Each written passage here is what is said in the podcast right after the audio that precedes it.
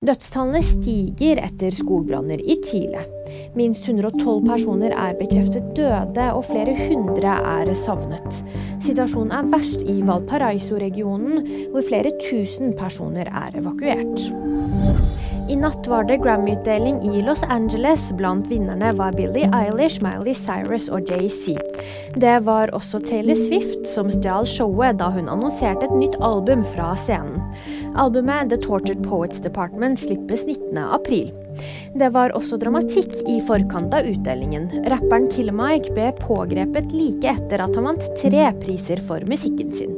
Disse ble delt ut under Grammy-utdelingens førfest, som skjer rett før den offisielle TV-sendingen. Mer om utdelingen og andre nyheter finner du alltid på VG.